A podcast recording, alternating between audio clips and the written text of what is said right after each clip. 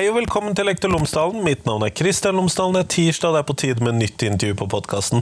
Dette blir det første intervjuet i mai. Det tror jeg blir bra. Eh, det er med Camilla Stabel Jørgensen, som er førsteamanuensis ved NTNU, hvor hun bl.a. jobber med eh, religionslærerutdanningen, religionsdidaktikk osv. Eh, vi snakket sammen under Dembra-konferansen, og da snakket vi om ekskursjoner i lærerutdanningen på religions- og livssynsfaget der. Og da snakket vi om etiske ekskursjoner, og det tror jeg kan være veldig interessant. Her får du i hvert fall intervjuet. Vær så god.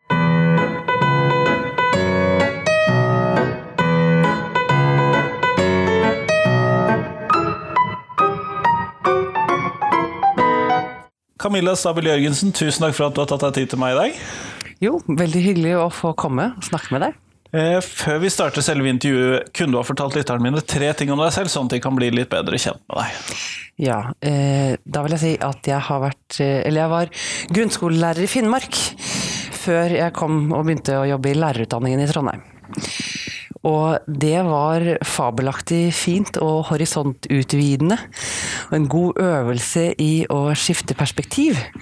Så det vil jeg anbefale for alle som har muligheten. Det kan jeg tenke meg var annerledes.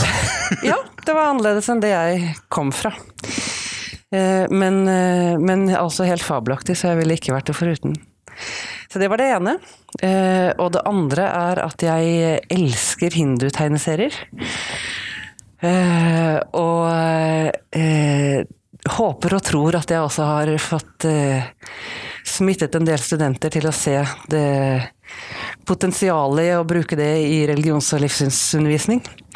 det er jo, altså det, jeg sier hindutegneserie, men det er jo fortellinger fra både hindumytologi og buddhistfortellinger og eh, sikh og en del muslimske fortellinger. Men med indisk tegnestil, da? Ja, altså de kommer jo fra India. Amachitrakata.com. Så var det en liten reklame òg. Eh, men det er veldig gøy. De fins på engelsk, de fins på mange andre språk òg, men det er nok engelsk som ligger nærmest for de fleste her i landet, vil jeg tro. Eh, og så vil jeg si at eh, min kone har hjulpet meg til å få øye på stolthet som en muligens undervurdert verdi i utdanningssammenheng og undervisning. For hvis man får elevene til å skinne, så tenker jeg at da har man virkelig oppnådd noe. Det kan jeg tenke meg at man har, da. Det er jeg helt enig eh, Men grunnen til at du er her i dag, er jo fordi at du er med på Dembra-konferansen. Mm -hmm. Og du holder et verksted her. Og du snakker om etiske ekskursjoner. Mm -hmm. Og mitt første innlysende spørsmål da er hva er det? For det, det syns ja. jeg ikke sa seg selv ut fra navnet. Nei, det gjør nok ikke det. Og jeg begynner jo også med å forklare hva det er jeg legger i det, eller hva som ligger i det, i den erfaringen jeg kan fortelle om. Eh, og det er jo Altså der er jo ekskursjon, etiske ekskursjoner en slags sånn utvidelse av de eh, religionsorienterte ekskursjonene som vi tar lærerstudentene med på, eller sender dem ut på. Som jo i, liksom i de første rundene går til, eh, til templer og synagoge og moskeer og sånn. Og ulike kristne trossamfunn. Eh, men så, eh, for å på en måte utvide hva det kunne være, så eh, satte vi i gang etisk ekskursjon. Og da, eh, da skal studentene finne seg en frivillig organisasjon som de skal, skal delta i opplæring hos, og så gjøre en innsats for. Og så skal de ta med seg erfaringer fra det å gjøre en innsats der eh, tilbake på campus og fortelle om en konkret erfaring som de har gjort under det frivillige arbeidet, eh, og som har fått dem til å tenke eller lure eller fundere over noe. Og så skal de på en eller annen måte formidle dette gjennom dramatisering eller gjennom å fortelle gjennom Ja, det, det, eller bilder, altså Ja. Det velger de, men så skal det da utgjøre hendelsen som på en måte er grunnlaget eller startpunktet for en filosofisk dialog. Som de da skal lede. Da er det gjerne et par, altså to stykker som har vært samme sted, som, og som har gjort de samme erfaringene og blitt enige om hvordan de skal planlegge en sånn uh, samtale. Og så skal de altså lede sine medstudenter da i filosofisk dialog. Um, og da, da har jo samtalen, både som i filosofiske samtaler, har de som deltar et felles utgangspunkt. Og det felles utgangspunktet er eh, Det er hentet fra deres egen erfaring. Eh, og det viste seg da jeg på en måte så undersøkte materialet liksom, knytta til det her, litt grundigere, så viste det seg at det var liksom fire temaer. Fire områder som, de, som alle samtalene kretset rundt. Veldig ulikt fordelt hvor mye som eller hvor mange samtaler som handlet om det ene og det andre. Men det var noen, hoved... men det var noen ho hovedtemaer som på en måte uh, gikk igjen, da. Uh, Uh, ja. Um, og det var økonomiske rammer for virksomheten. De var jo i praksis i en slags sånn omsorgsvirksomhet i de frivillige organisasjonene. Um, men det var overraskende lite fokus på økonomi. Altså det var få ganger det kom opp. I hvert fall når man tenker på det trykket som er i media på, på økonomi i forhold til omsorgsvirksomhet. Veldig mange eh, tematiserte på en eller annen måte de juridiske rammene for virksomheten. Eh, reglene for den organisasjonen, hvordan de ble praktisert, samfunnets rammer for denne virksomheten. Og om de var, stilte på en måte spørsmål ved om de var de riktige. Eh, eller det handlet om kommunikasjonen som foregikk i denne virksomheten. Eller om eksistensielle spørsmål som på en måte Ja, for mange av disse frivillige var ute i sånn type omsorgsbedrifter? Ja, altså i, i praksis så er det vi Det jeg har hatt studenter ute i så langt, det er eh, Livsglede for eldre og Kirkens Bymisjon. Eh, ja. Og da, da kommer, da kommer på en måte de eksistensielle spørsmålene veldig naturlig. Ja, uh, ja altså, så altså uh, det, var, det var det disse hendelsene uh, handlet om. Men så var det jo sånn at de studentene som deltok i samtalen, de var jo de som fikk være med på å formulere spørsmål og velge spørsmål og, og, gjennomføre samtalen. Da. Så den kunne jo på en måte ta ulike veier. Uh, ja. Og så, så, var det jo et krav, uh, for det var et arbeidskrav uh, da jeg undersøkte det. Det var et krav at de også hadde en metasamtale, sånn at de på en måte Mens de var ute, da? eller? Nei, nei. Det, det var da de Altså, i den samtalen som studentene skulle lede ja, med sine medstudenter på campus igjen. Eh, da skulle de ha på en måte alle disse eh, hva sier man da, grunnleddene i en filosofisk samtale. Hendelse, eh, formulering av spørsmål, valg av spørsmål, samtale og metasamtale. Ja, og no, altså det, var, det, hadde jo mange mål, på en måte. Mange ting jeg håpet å oppnå eh, med å, å, invitere studentene med på, måte, i, på dette opplegget. Eh, og det handlet jo blant annet om å øve dem opp i det å lede filosofiske samtaler, fordi jeg har tenkt at religions- og livssynslærere bør ha noe erfaring med det, eh, for å være trygge på å gjøre det, og da ha mot på å gjøre det med elever. Um, og her har de et grunnlag til å gjøre det? Ja, og her og, og, og jeg var jo Altså en annen bakgrunn var jo at jeg syns at jeg ofte i praksisbesøks Eller når jeg sa så etikkundervisning, så, så, tenkte jeg at det var noe som, var, som skurret, som var litt sånn vanskelig med det. Eh, enten om det var at eh, eksemplene på en måte som ble diskutert, var konstruert og ikke, ikke mm, reelt sett liksom knyttet til deltakerne i samtalens virkelighet. Eller om det var fordi at konteksten, altså etikkundervisning, gjorde at, ehm, at elevene forsto hva læreren forventet at de skulle svare, og at, svaren, og at samtalen på en måte dermed ble uh, uautentisk, inautentisk. Uh, og at du da på en måte tar bort en del av, av det meningsfulle da, i etikkundervisning. Det høres jo litt ut som det henger sammen med For jeg leste en av de boktitlene du hadde, eller mm. uh, teksttitlene mm. du hadde, med 'Siden det er du som spør, så er svaret sikkert Jesus'. Ja, ja det, jeg, får, jeg får litt den samme her, sånn eh, Siden du som Ja, religionslærer det- spør meg om ja. Mm. dette, da bør jeg mene at vi skal gjøre dette. at vi skal være snille med hverandre og ikke slå hverandre og sånn. Ja. Ja. Ja, eh, det stemmer for så vidt det. Den, eh, den artikkelen handler om oppgaveformuleringer. Som, Som Det er litt på siden, men tittelen var ja, så lysende. og, den, og det er noe av det samme utfordringen man kan finne der. At eh, selv om Selv når oppgaver ser ut til å invitere elevene til å tenke selv, til å ta stilling til et eh, filosofisk spørsmål, eh, ja så er det ganske ofte, fant jeg da jeg undersøkte dette var normprosjektet, sånn tekst- eller skriveforskningsprosjekt.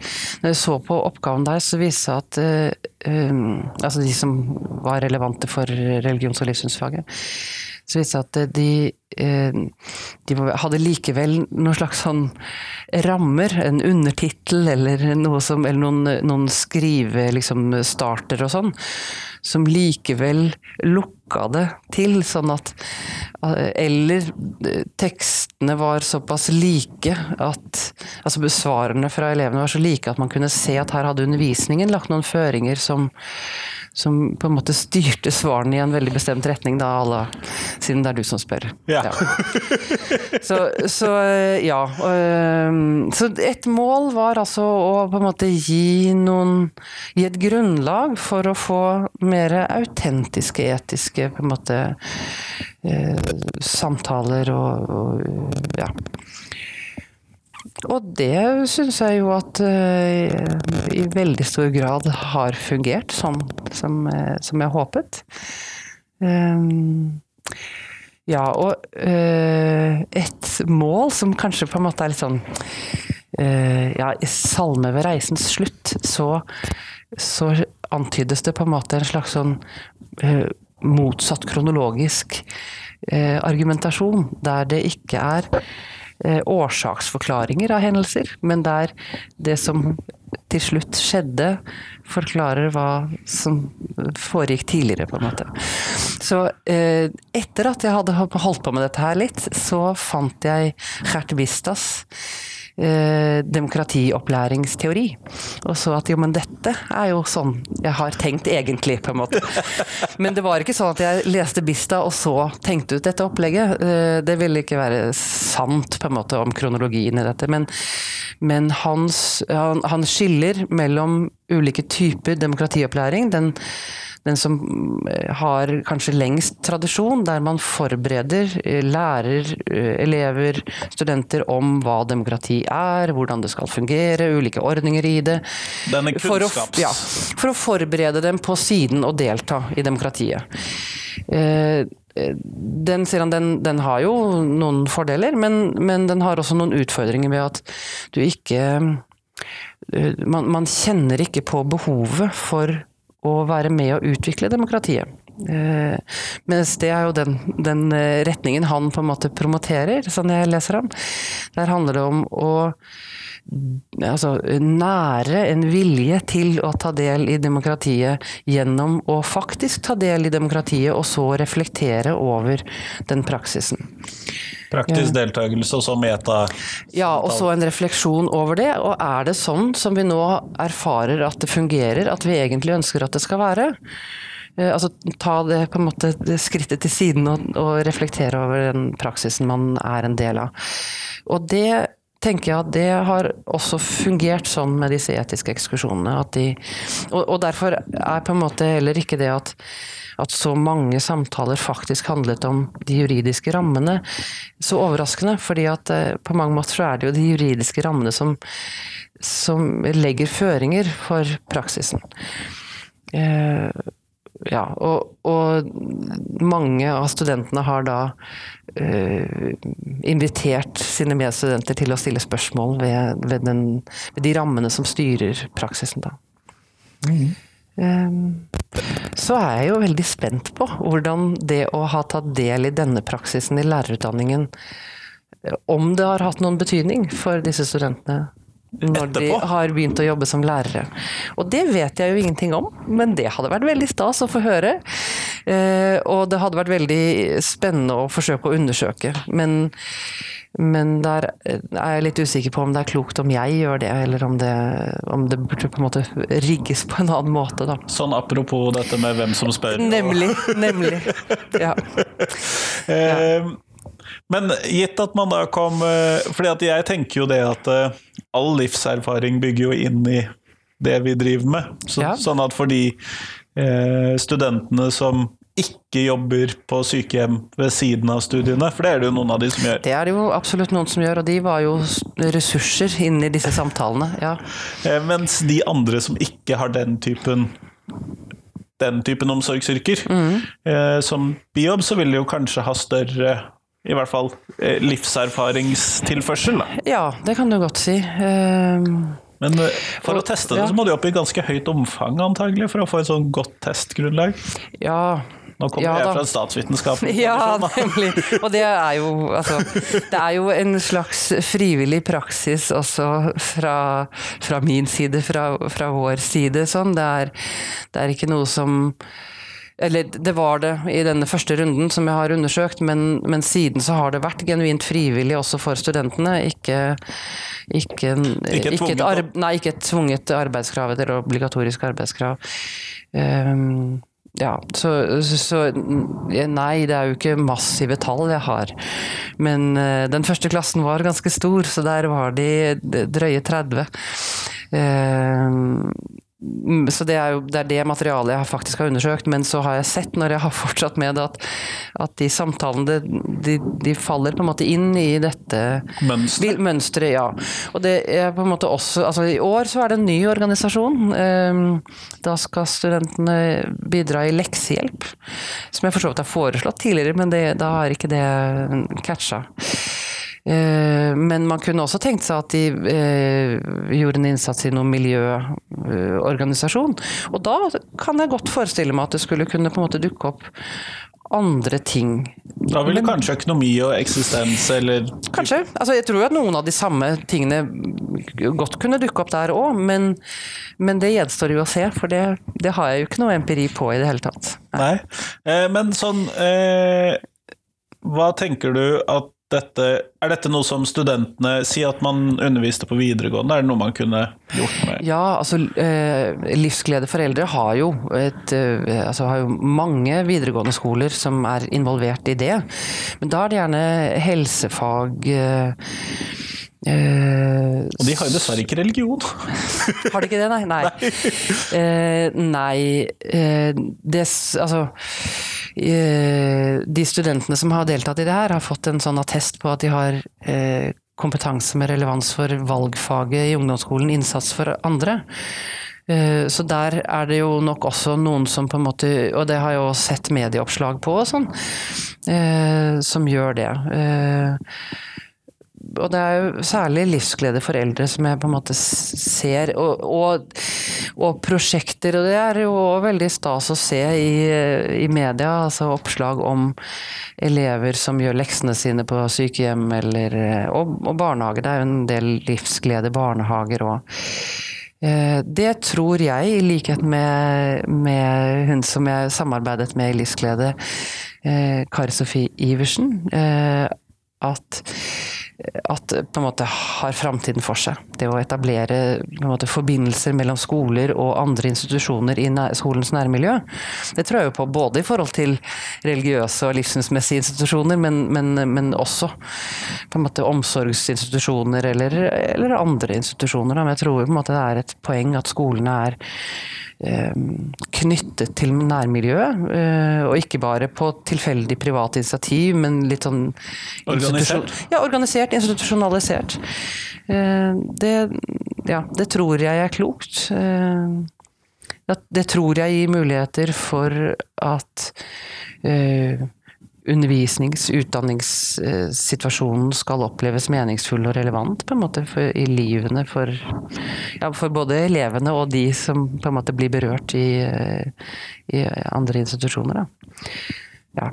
For det, på en måte så handler dette her også om det å em, ja, forsøke å legge til rette for at man kan være med på å gjøre noe godt.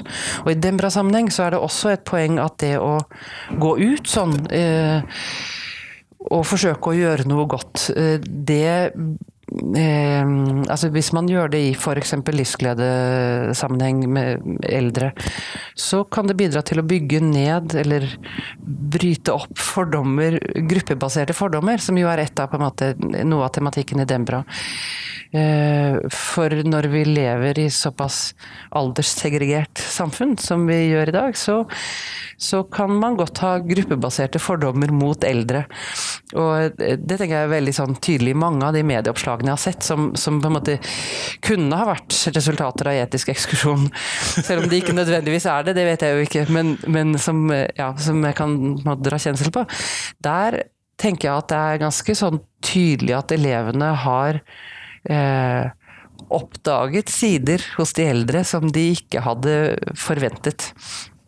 Eh, dessuten så tror jeg jo at man kan få bygget ned noen fordommer eh, gruppebaserte fordommer som måtte finnes innenfor elevgrupper.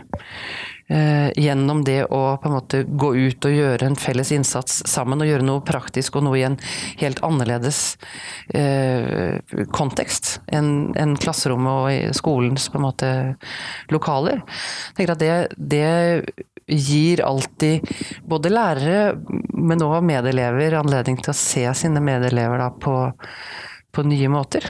Og det er vanligvis eh, på en måte forfriskende og, og potensielt på en måte perspektivendrende og sånn. Og det gir jo nye mestringsmuligheter også for de som kanskje sliter litt med det i Bevare meg vel. Ja visst. Eh, og altså en, en sjanse også kanskje til å oppleve stolthet. Som ikke er å Ja, forakte, den da. tilbake. Der kom den tilbake. Mm. Kjempeflott. Eh, Vi holder på å runde av podkasten nå, og da lurer jeg litt på om du kunne svare på det spørsmålet jeg stiller til alle de jeg har besøk av. Mm. Og det er eh, spørsmålet om hvis du skulle lage et nytt fag i skolen, hva skulle det inneholde, hva skulle det hete? Mm. Så hva er Camillas fag? Eh, nei, da, da eh, vil jeg liksom først, i likhet med flere av de tidligere intervjuobjektene dine, eh, opponere mot oppgaven og si at eh, jeg, jeg tror ikke på en måte at det løser noen ting å innføre et nytt fag. Eh, jeg tror at uh, om skolen skal bli bedre, så må skolen bli bedre. altså Da må man gjøre det som er der, på en måte så, så godt som det er mulig. Ehm, og ja, uh, man kunne på en måte si mye om fagfornyelsen og muligheter eller utfordringer på en måte ved det. Ehm, men jeg tror altså at det er, det er viktigere å jobbe med å på en måte gjøre norskundervisningen til god norskundervisningen og øh, kroppsøvingsundervisningen til god kroppsøvingsundervisning, enn å flytte inn et nytt fag. Hvis jeg skal svare litt sånn kverulantmessig, som jo selvfølgelig også frister, eh, så vil jeg si at da vil jeg innføre RLE-faget. Og altså beholde, som, som vanlig, på en måte beholde innholdet, men, men eh, endre navnet, da. Igjen. Eh, så, altså, I likhet med fagmiljøet for øvrig, så, så eh, var ikke jeg heller tilhenger av at man la til den K-en igjen. Eventuelt så kunne man jo fundert over om man burde lagt noe annet i K-en. Tenkt på Kinas på måte, potensielle betydning for oss nå framover. Men, men da ville man også måtte innho endre innholdet, og det tror jeg nok ikke egentlig. Men hvis vi skal svare på en måte saklig i forhold til eh, det denne podkasten har handlet om, så måtte det være at ja, men da syns jeg at man skal skape rom for etisk ekskursjon eh, i skolen. Sosialt arbeid inn i skolen, type Ja, eh, ja, men så er det jo det at jeg er ikke egentlig tilhenger av å lage et nytt fag. Jeg tror heller at man skal på en måte eh, lete etter muligheter for å for å ja, kombinere ting, da. Si at eh, jo, eh, når vi nå skal drive med matematikk, ja, men da kan vi dra og, og Altså med, med småtrinnselever, vi kan dra på sykehjem og spille yatzy, og så øver vi på plusse og legge sammen og sånne ting. Uh, I en kontekst, og så gjør du på en måte flere ting på en gang. Uh, og så skulle du da i religions- og livssynsundervisning kunne reflektere over noen erfaringer som man gjør, samtidig som man likevel holder på å øve på å regne. Eh, altså jeg ville, vil heller på en måte lete etter sånne muligheter, da. Jeg tror nok mer på det enn å innføre det som et separat på en måte fag. Ja. Det, det er vel Kjempeflott. Tusen takk. Mm. Jo, bare hyggelig. Takk for at jeg fikk komme.